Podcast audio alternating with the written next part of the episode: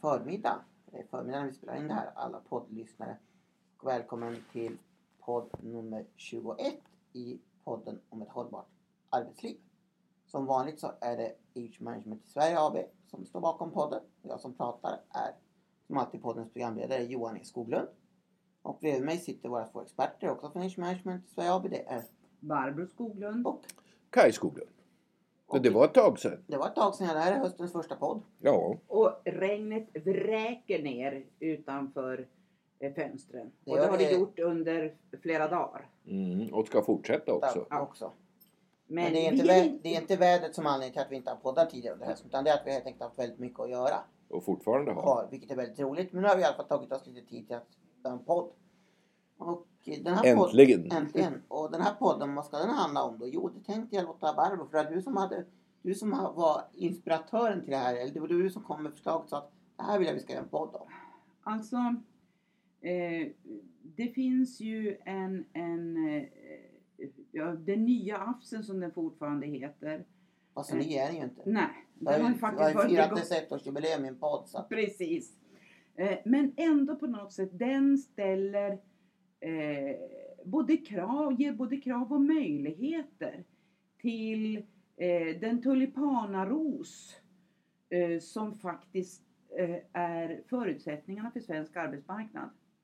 Alltså arbetsgivarens eh, rätt att leda och fördela arbetet kontra eh, medarbetarens eh, möjlighet och rättigheter att vara delaktig enligt arbetsmiljöprinciper och så vidare. Och det här kan ibland uppfattas som en, som en svårfångad eh, både möjlighet och skyldighet.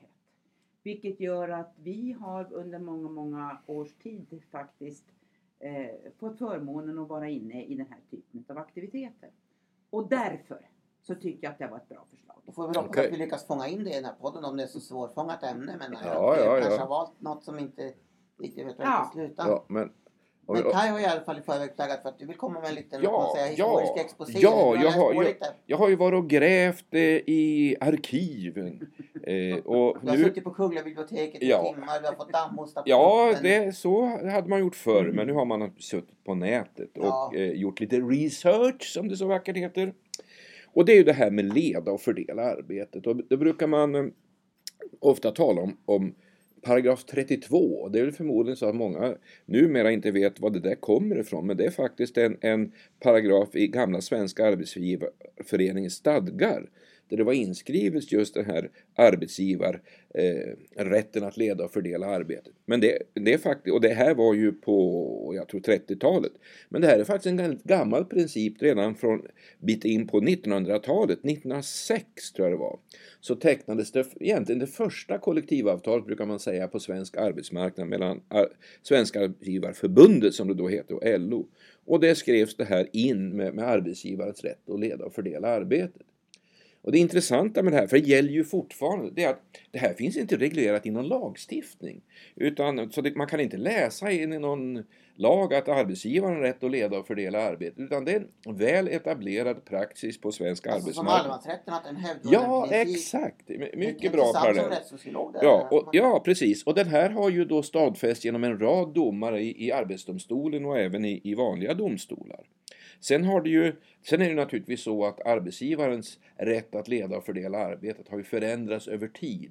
Den var nog mer eh, oinskränkt när det började eh, 1906.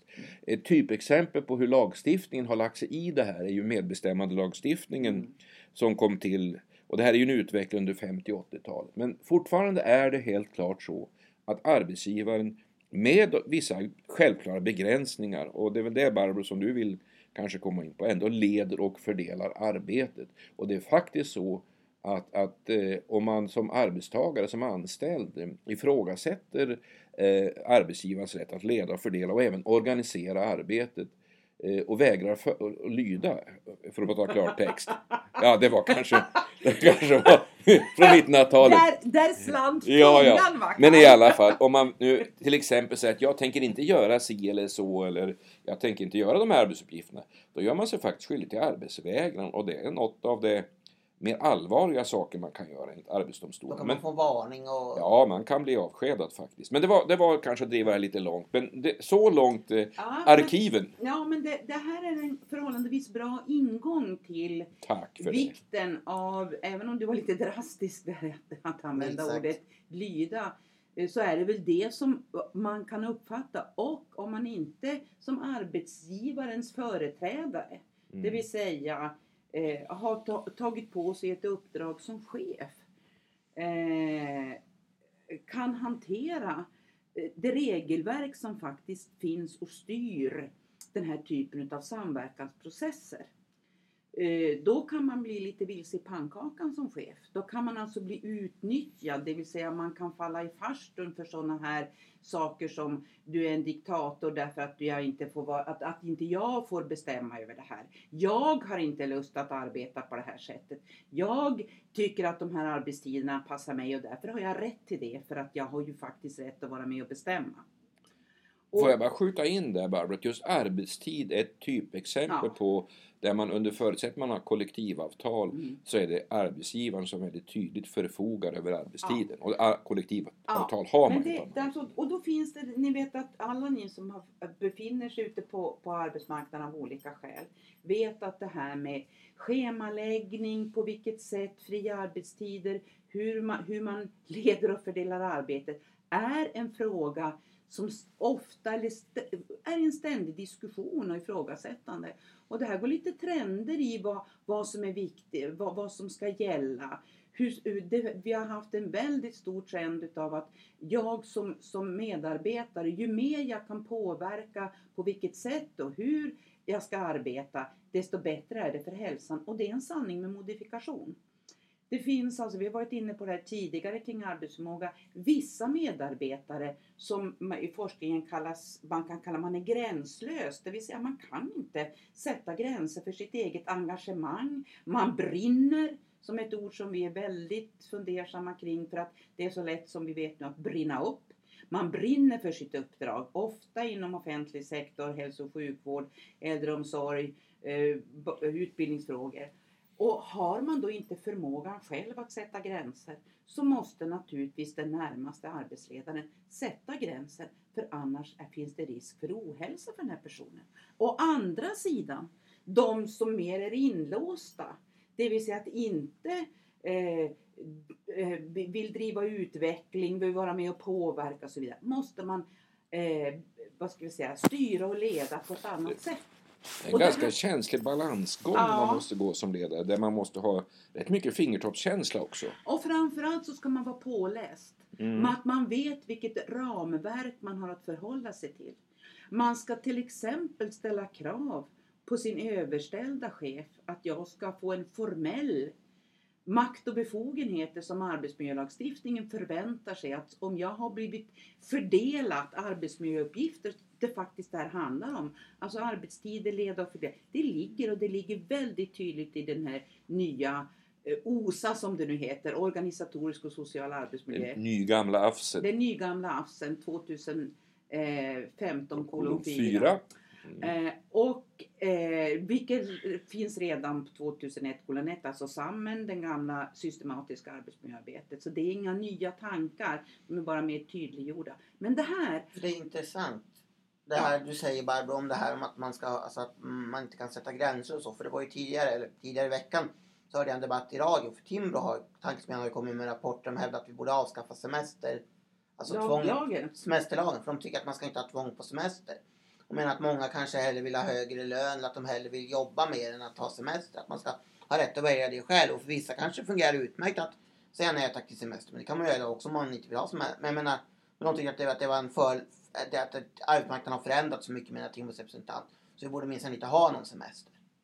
Den heliga svenska Semester, semestern. Den heliga ja, Man får, man får nog se det där som ett, mer ett provokativt inlägg, Jo, det tror var det jag. Än, Ja, än, Kanske också, men det är en Ja. intressant fråga. Alltså hur arbetsmarknaden förändras. Men jag om att leda och fördela arbetet. Ja. Menar, för, men det, det är Fast ju egentligen kan man säga att här har inte arbetsmarknaden förändrats i, i inte alls. Alltså den har blivit mer komplicerad, Ja. mer rättigheter, Men men, man- grundprincipen är alltså, fortfarande det, men, men det innebär ju då till exempel om man, om man nu spekulerar jag. Okej? Det, är först, ja, men det här med semester.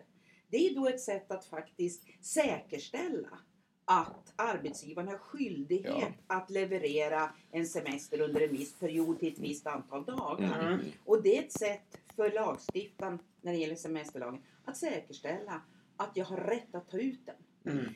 Eh, motkraften är ju då naturligtvis om man börjar diskutera det. Jaha, vad, vad, vad, vad då, vad, vilket ansvar för arbetsgivarsidan ska man då ta bort? Mm. Om, om man inte kan så att säga, om man inte har, har, har skyldighet att ge semester. Vad, vad, vad, vad ska man då plocka bort från arbetsmiljölagstiftningen Mm. kopplat till leda och fördela, titta på riskbedömningar och så vidare.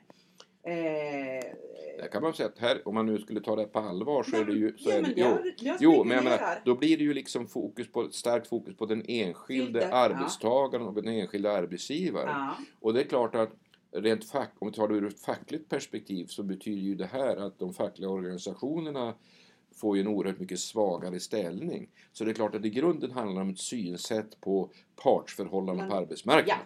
Men nu- det kanske var, ja, då för vi åter till leda och fördela för Ja, det men handlar det- också om partsförhållandena. Precis, det, Ja. ha- det handlar, och det är faktiskt en, av gammal hävd. Mm. Sedan 1900-talet. Och det, är liksom, det- och det här är ju det här som är check and balance.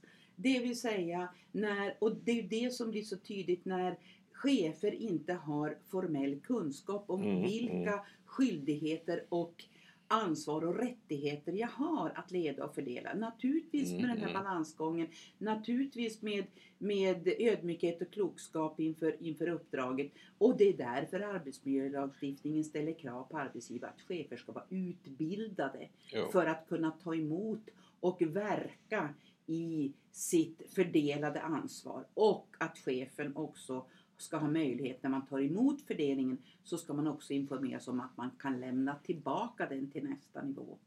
Och det här är ju ett check and balance system som gör att, att man är alltså inte livegen som chef i det här sammanhanget. Å andra sidan så kan man säga kan man vara chef om man lämnar tillbaka det. Eh, Så det där är ju en, en, en, en fråga som, som också är en semantisk Ja. eller en diskussion. Men det här landar vi på individnivå. Jag har alltså, eftersom jag handleder så många chefer så är det här en fråga som faktiskt diskuteras eh, öppet ibland i många, eh, när jag har mina samtal. Därför att det här kan vara en, en, en, en svår nöt att, att så att säga förhålla sig till. Eh, och jag har ett favorituttryck och det är by the book. Mm. Det vill säga att man, man inte ska hitta på en massa egna regler och man ska inte hitta på en massa egna förhållningssätt som man inte har stöd i i arbetsmiljölagstiftningen när det gäller det här. Sen kan man väl säga, om man vill dra lite historisk parallell, att den formulering som nu är AFSen med, med arbetsgivarens både skyldighet och rättighet att prioritera arbetsuppgifter. Det är ju faktiskt samma princip så, som eh, skrevs in i SAFs stadga för, för eh, paragraf 32. För snart Ja. 100 år sedan. Vad sa du? 200? Nej, det var väl på 209. 30-talet. Ja, Ja, men det var, 200. jo, jo men det var första avtalet. Men i SAFs stadga tror jag kom sen. ja, Men, mm. men ändå så har det här gått ett varv runt jorden kan man säga. Ja. Vilket, ju Ja. väldigt, Ja. vilket jag kan tycka då är intressant med tanke på att vi då har en lokal stor aktör som sysslar med mässor som då ska ha en, en, en ledarskaps och, ja, en ledarskapsmässa här. Som, så- som så många eh, Ja, ledarskapsmässor. Det är ju väldigt frekvent Jo, men då ska man ha Sverige. ledarskapsmässa och temat för det i år är då det moderna ledarskapet. Ja. Okej. Jag menar, och, här, och, här, och här förstår vi då att, alltså, att man hade samma tankegångar 1906 som vi Ja. har idag. Eh, 111 år senare. Det kan väl vara en, kanske en, Vi kan, vi kan någonting dra, att avsluta. En bra knorr på en bra slutet. knorr att, Ja. om, vi nu, om vi nu börjar närma oss slutet. Eller jag vet, Ja. vet inte om Ja. mina två... Eller har Ja, ni något jag mer ni vill? jag- Jo, jag Ja, kan bara lägga klar, en ja. till parallell. Det får ni gärna göra. Ja, som faktiskt handlar om den eh, till och från mer eller mindre ifrågasatta eh, sjukförsäkringslagstiftningen. Där man säger det här med att, att, att sjukersättning och sjukpenning och olika steg i det här. Eh, där man faktiskt fortfarande, och det är också 30-tal va? Om jag inte missminner mig, för jag tittar Mm. på dig Kai Mm. där man faktiskt stipulerar, man säger inte att om, om man inte klarar av att arbeta i en viss yrke utan man säger så här, det, man, om man inte kan, man ska mätas mot på arbetsmarknaden förekommande. Vanligt förekommande arbete. Yes. Och den är ju tidlös. Den alltså tar hänsyn till att arbetsmarknaden förändras över tid. Mm. För det finns yrken som fanns då när den skrevs som inte finns kvar. Mm, det var på Och 40-talet det, tror jag. ja, 30 eller 40 alltså, där, Mm. där, man, där man stipulerade just den här grunden. Och den, den håller ju över tid därför att då behöver man inte förändra och så att säga räkna upp vilka yrken som man ska prövas Mm. emot.